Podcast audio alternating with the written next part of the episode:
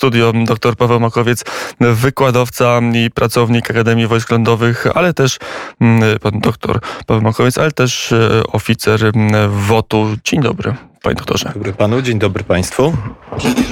Przybliżymy mikrofon, tak. będzie lepiej e, słychać teraz. Wszystko jest jak mm, należy. 57 dzień inwazji, 58 dzień inwazji wojsk rosyjskich na Ukrainę dla oficerów, dla wykładowców akademickich bezcenny, to przepraszam, zabrzmi to bardzo może nie taktownie, ale niesamowicie cenny materiał badawczy do tego, żeby sprawdzić, jak działają Rosjanie, jak walczą, jaki mają sprzęt, jaką mają taktykę e, i jaka taktyka e, na linii frontu może pokonać wojska rosyjskie. Jakie są wnioski, panie Oczywiście, przepraszam, ale niestety mam jakąś poranną chrypę.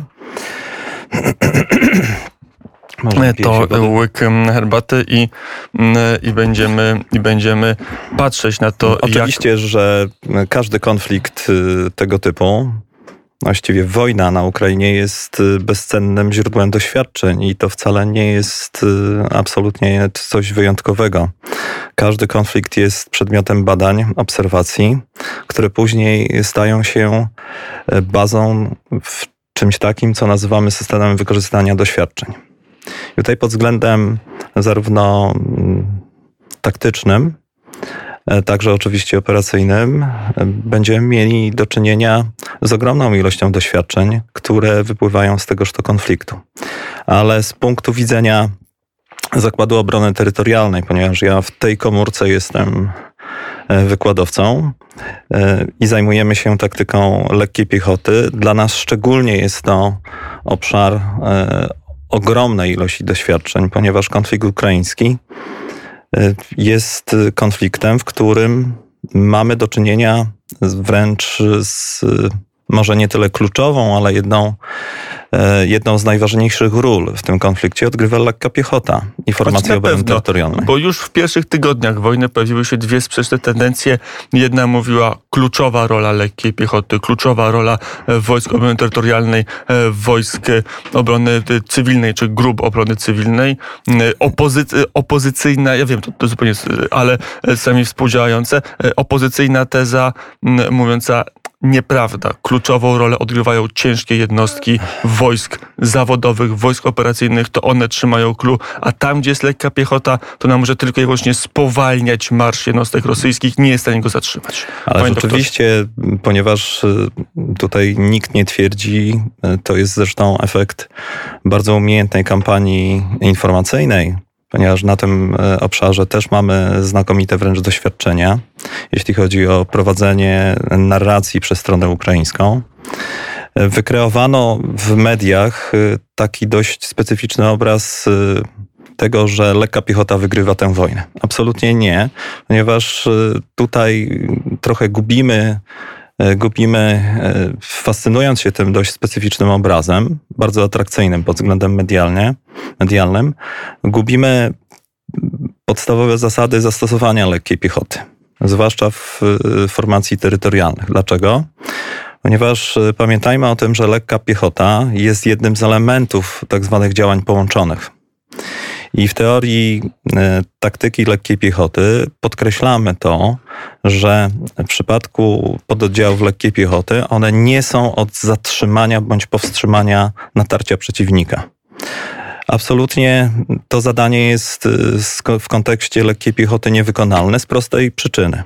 Różnica potencjałów jednostek pancernych czy też zmechanizowanych względem potencjału lekkiej piechoty jest y, może nie tyle przerażająca, ale jest na tyle wyraźna, aby lekka piechota, nawet y, dobrze uzbrojona, tego zadania nie była w stanie wykonać. I od połowy lat 80., kiedy w istocie mamy do czynienia z powstaniem nowoczesnej doktryny taktyki lekkiej piechoty, podkreśla się rolę w działaniach y, połączonych lekkiej piechoty, że jest ona od dość specyficznych zadań dezorganizacji natarcia przeciwnika. Czyli oficer, żołnierz WOTO, ale także wykładowca akademicki, który zajmuje się tym rodzajem sił zbrojnych, to pan doktor nie ogłosi końca czołgów i nie powie, Absolutnie. że teraz javeliny, e, a, a, a czołgi do lamusa. Co najmniej, co najmniej dwukrotnie za mojego życia ogłaszano koniec broni pancernej i w żaden sposób broń pancerna nie zniknęła z pola walki. Z punktu widzenia oficera piechoty, broń pancerna jest absolutnie elementem koniecznym dla realizacji niektórych naszych działań. W przypadku, co widzimy zresztą e, w, na przykładzie walk e, w terenie zurbanizowanym, w przypadku Mariupola, broń pancerna jest elementem, który jest wręcz kluczowy ze względu na siłę ognia i ten nie, stanowi niezbędny element wsparcia działania piechoty. Oczywiście miasto bądź teren zurbanizowany to jest tak zwany teren piechoty, gdzie w istocie występuje e, dość specyficzne zjawisko e, dyslokacji funkcjonalnej. Ale, zjawisk... tutaj, ale tutaj zasady tak? przy przerwę w zasadzie nie zmieniają się od II wojny światowej. To już widzieliśmy, e, to widzieli Niemcy po Warszawie w 1939 roku i to czyli też alianci od No może nie momentu. tyle po Warszawie w 1939, ale to jest jak gdyby preludium do pewnych rzeczy. Niemcy z kolei bardzo, bardzo dokładnie przeanalizowali e, walki warszawskie, ale z roku 1944, ponieważ tutaj mamy ogromny bagaż doświadczeń.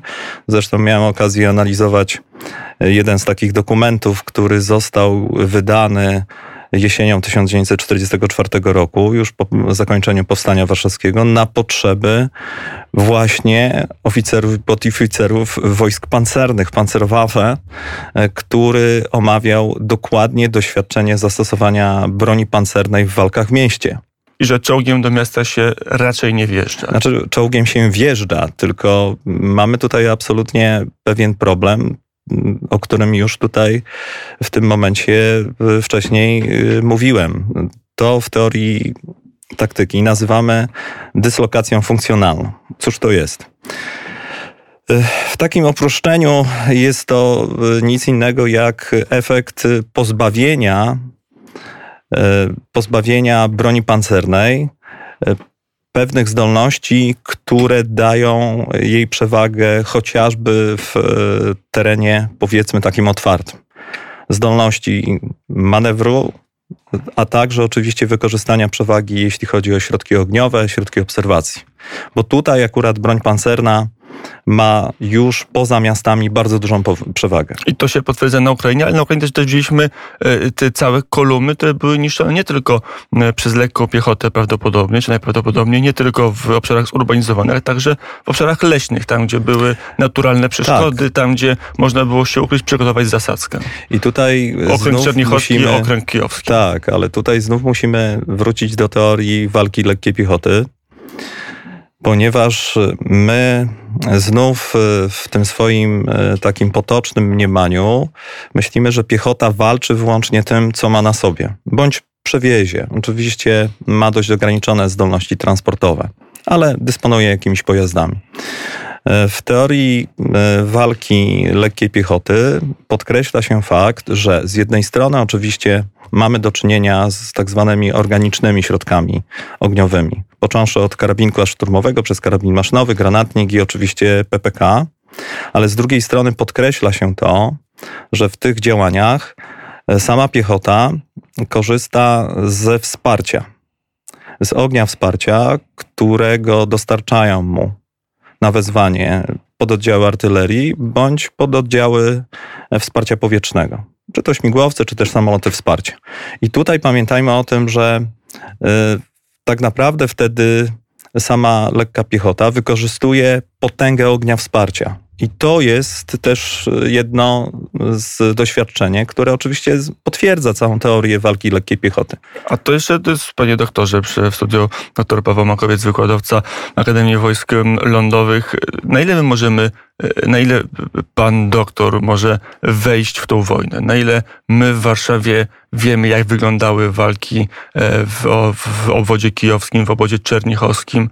Mamy informacje, żeby zejść na taki taktyczny poziom, jak e, twarzą w twarz z Rosjanami walczyły znaczy, możemy rozmawiać, żołnierze. Możemy wyłącznie rozmawiać na podstawie tego, co nazywamy E, OSINT-em popularnie, czyli tak naprawdę analizy ogólnie dostępnych źródeł. Nie będziemy rozmawiać w żaden sposób publicznie na temat e, doświadczeń, które mają charakter niejawny. Więc zostawmy jak gdyby cały ten obszar. Ale na podstawie samych danych e, osintowych jesteśmy w stanie w tej chwili wysunąć sporo wniosków, które na pewno zostaną wykorzystane chociażby w naszej pracy w Zakładzie Obrony Terytorialnej, czy też w Wojskach Obrony Terytorialnej. No to wnioski, panie doktorze. Jakie? Wnioski? Znaczy, to co zawsze podkreślam i zresztą podkreśliłem w jednym z moich materiałów, który gdzieś krąży e, w przestrzeni informacyjnej, że w istocie pierwszym kluczowym wnioskiem, który pojawia się e, w kontekście wojny na Ukrainie jest potwierdzenie zdolności taktycznych lekkiej piechoty. To jest pierwsza rzecz. Cała koncepcja walki lekkiej piechoty znalazła tam potwierdzenie. I znalazło to też potwierd- znalazło potwierdzenie, że lekka piechota jest elementem komplementarnym względem innych rodzajów wojsk. Co na początku tworzenia polskiego WOT-u nie było takie oczywiste dla wielu. E, dla wielu, ale dla samego WOT-u było absolutnie oczywiste, jeśli o to chodzi bo tak naprawdę po, powinniśmy zrozumieć y, rolę lekkiej piechoty i y, w, w ogóle zrozumieć rolę, rolę wojsk terytorialnych w systemie obronnym państwa. Ale wracajmy do samych doświadczeń. Co tak naprawdę jeszcze znajdujemy w samym, samym konflikcie ukraińskim, jeśli chodzi o doświadczenia, które należy przełożyć na chociażby bieżące działania tutaj w Wojskach Obrony Terytorialnej. Na pewno należy e, dołożyć wszelkich starań, aby nasycić e, Wojska Obrony Terytorialnej nowoczesnymi środkami walki. Chociażby e, mówimy tutaj o przeciwpancernych pociskach kierowanych, ale także o środku walki, który jest trochę w cieniu. Nie jest absolutnie jego rola podkreślana, ale dostępne informacje nawet z tych otwartych źródeł już wręcz potwierdzają chociażby użycie i to efektywne użycie amunicji krążącej. Pamiętajmy o tym, że już amunicja krążąca pojawiła się amunicja chociażby... Amunicja krążąca, czyli mówiąc e, językiem laika, e, drony samobójcy? Znaczy drony samobójcze. To powiedzmy, że są to drony uderzeniowe. Tylko kwestia jest taka, że my postrzegamy, postrzegamy y, tutaj drony w kontekście chociażby chociażby już y, Bayraktarów TB2, czy też y, Predatorów, czy Reaperów, czyli maszyny kompletnie innej klasy, jeśli o to chodzi, ale w przypadku amunicji krążącej mamy tutaj do czynienia z małymi dronami, które są wyposażone z jednej strony oczywiście w głowicę obserwacyjną, ale posiadają również zdolności uderzeniowe. I tutaj akurat wojska obrony terytorialnej są takim rodzajem wojsk, które już parę lat temu zadecydowały o zakupie systemu Warmate, czyli polskiej amunicji krążącej, e, która też e, ma zastosowanie chociażby i w konflikcie ukraińskim, tym bardziej, że e, już na temat doniesień, czy same doniesienia medialne mówią nam o E, wyposażeniu, czy też transportach e, amunicji krążącej typu Switchblade na Ukrainę amerykańskiej, więc tutaj ta amunicja krążąca troszeczkę jest w cieniu w cieniu chociażby innych środków bojowych, ale na pewno jest to spore doświadczenie. Skoro już jesteśmy przy bezzałogowcach, to w istocie wojna na Ukrainie również dowodzi pewnej tezy, którą E, jak gdyby zaznaczaliśmy już e, kilka lat temu konieczności wyposażenia pododdziałów e, piechoty, ale nie tylko lekkiej piechoty, ale także pododdziałów zmechanizowanych, czy też pododdziałów pancernych w autonomiczne środki rozpoznawcze. Chodzi tutaj o te bezzałogowce klasy mini bądź mikro, ilość, y, jakbyśmy sobie poobserwowali, ilość y, dronów takich zupełnie popularnych, typu DJI, czy też innych Niemalże cywilnych chciałbym e, Cywilnych oczywiście. E, idzie w setki, jeśli nie w tysiące. i stosują je z powodzeniem e, obie strony, jeśli o to chodzi, zarówno do prowadzenia bieżącego rozpoznania, co daje nam skokowo, skokowy wzrost tak zwanej świadomości sytuacyjnej, czyli tego, co jest przed nami. Z drugiej strony, chociażby mamy przecież fantastyczne przykłady w materiałach filmowych tego, w jaki sposób na przykład te drony są stosowane do korygowania ognia artylerii z drugiej strony mamy również dowody, chociażby z Mariupola, zastosowania tego typu bezzałogowców do, jako za, bezzałogowców uderzeniowych.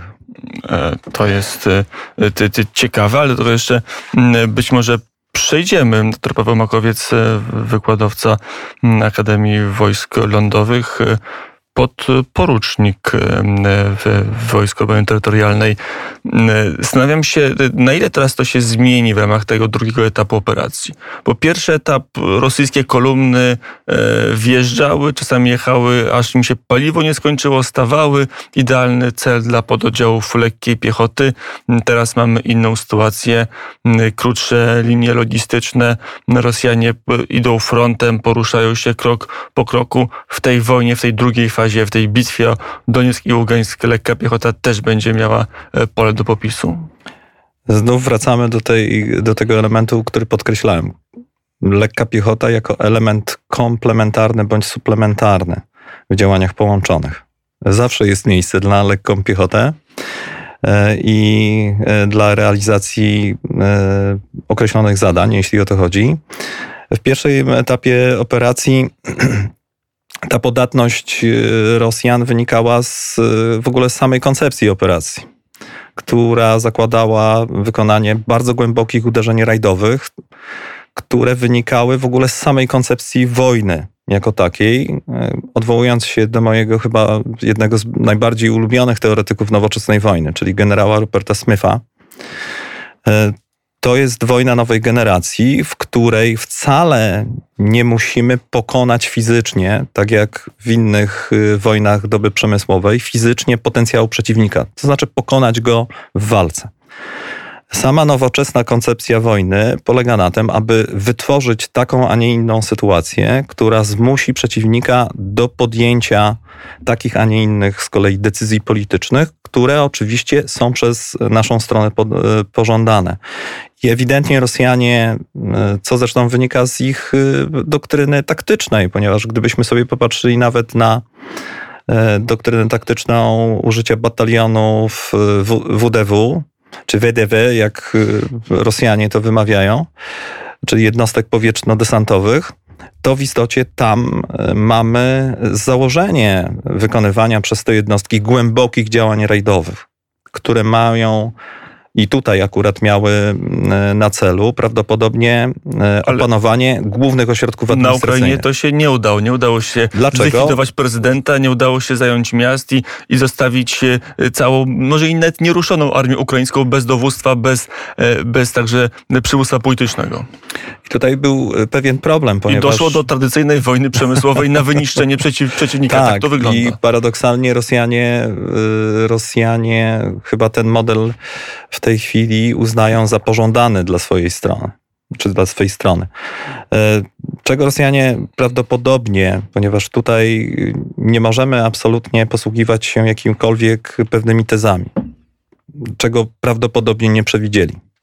Nie przewidzieli takiego stopnia nasycenia pod oddziałami różnego typu terenu, które w odróżnieniu od y, Rosjan, którzy mieli ograniczone korytarze manewru, miały swobodę manewru. I tu jest dlatego podkreślana rola lekkiej piechoty, która stosując e, taktykę, która już y, zapowiada dość y, specyficzne zmiany, jeśli chodzi o prowadzenie działań taktycznych, taktykę ugrupowania rozproszonych, małych, ale bardzo mobilnych elementów, które dynamicznie wykonują zadania e, typowe dla lekkiej piechoty, czyli uderz i wycofaj, hit and run taktik, e, to w istocie się świetnie sprawdziło. Dlaczego? Ponieważ zachowując swobodę manewru w odróżnieniu od Rosjan, którzy byli podporządkowani czy przyporządkowani określonym korytarzem manewru, e, w tym momencie lekka piechota uderzała na te wszystkie elementy logistyczne, a jak to zawsze dość obrazowo podkreślam, T-90 bez paliwa i amunicji Nie. jest dość kosztownym, ale kawałkiem metalu. A lekka piechota ma te potrzeby logistyczne znacznie mniejsze. Tak. Panie, panie doktorze, to już na sam koniec wnioski dla Polski. E, to może trzeba nie tylko WOT rozbudować, ale też obronę cywilną i jeżeli dojdzie do starcia z Rosją, to trzeba wystawić nie 150, nie 250 tysięcy żołnierzy, tylko milion. Ale pan mnie pyta już o wnioski strategiczne. Ja zajmuję się absolutnie taktyką lekkiej piechoty, więc... Nie namówię. Na, nie, nie namówi pan mnie absolutnie na takie stwierdzenie. Na to, że potrzebujemy więcej wotu albo mniej wotu. Na pewno potrzebujemy więcej Nie wiem, że pan doktor wotu. siedząc na katedrze obrony terytorialnej wojsk lądowych... Nie na katedrze, tylko zakładzie. Zakładzie nie, e, nie pokusił się o szersze wnioski.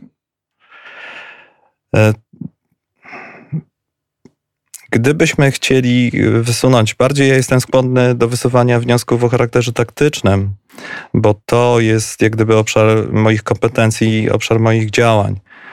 E, na pewno, wracając do tych wniosków, na pewno powinniśmy już skoro pytam, pyta pan redaktor mnie o Wojska Obrony Terytorialnej, czyli obszar moich zainteresowań, na pewno powinniśmy wzmocnić manewrowość tych pododdziałów.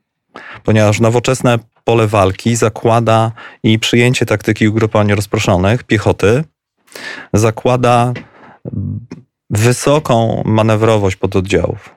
Mobilność, którą otrzymujemy poprzez zastosowanie różnego rodzaju, różnego rodzaju środków y, transportu. Ja zawsze odwołuję się do przesympatycznego fotografii, którą można wyszperać gdzieś w przestrzeni informacyjnej, jednego z żołnierzy ukraińskich, prawdopodobnie terobrony, e, który siedząc, e, czy osobiście wyposażonym całkiem możliwie, siedzi na motorowerze zbliżonym gdzieś tam do Rometa czy Jawy, a przez ramię ma przewieszony system, przenośny system przeciwlotniczy typu Igła.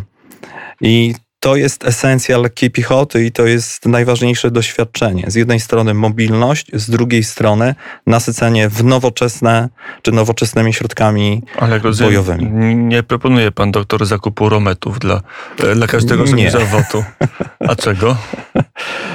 To już teraz pan pyta mnie o, jak, o, politykę zakupową, a to też nie jest obszar mojej kompetencji. Mm, I tak to jest z podporucznikami, doktorami, że trzymają się zakresu swoich kompetencji, bo to w końcu armia i wojsko, każdy ma e, swoje miejsce w łańcuchu e, dowodzenia. Doktor Paweł Makowiec, e, podporucznik Wojsk Terytorialnej, wykładowca Akademii Wojsk Lądowych, był gościem poranka wnet. Dziękuję bardzo za rozmowę. Bardzo dziękuję panu.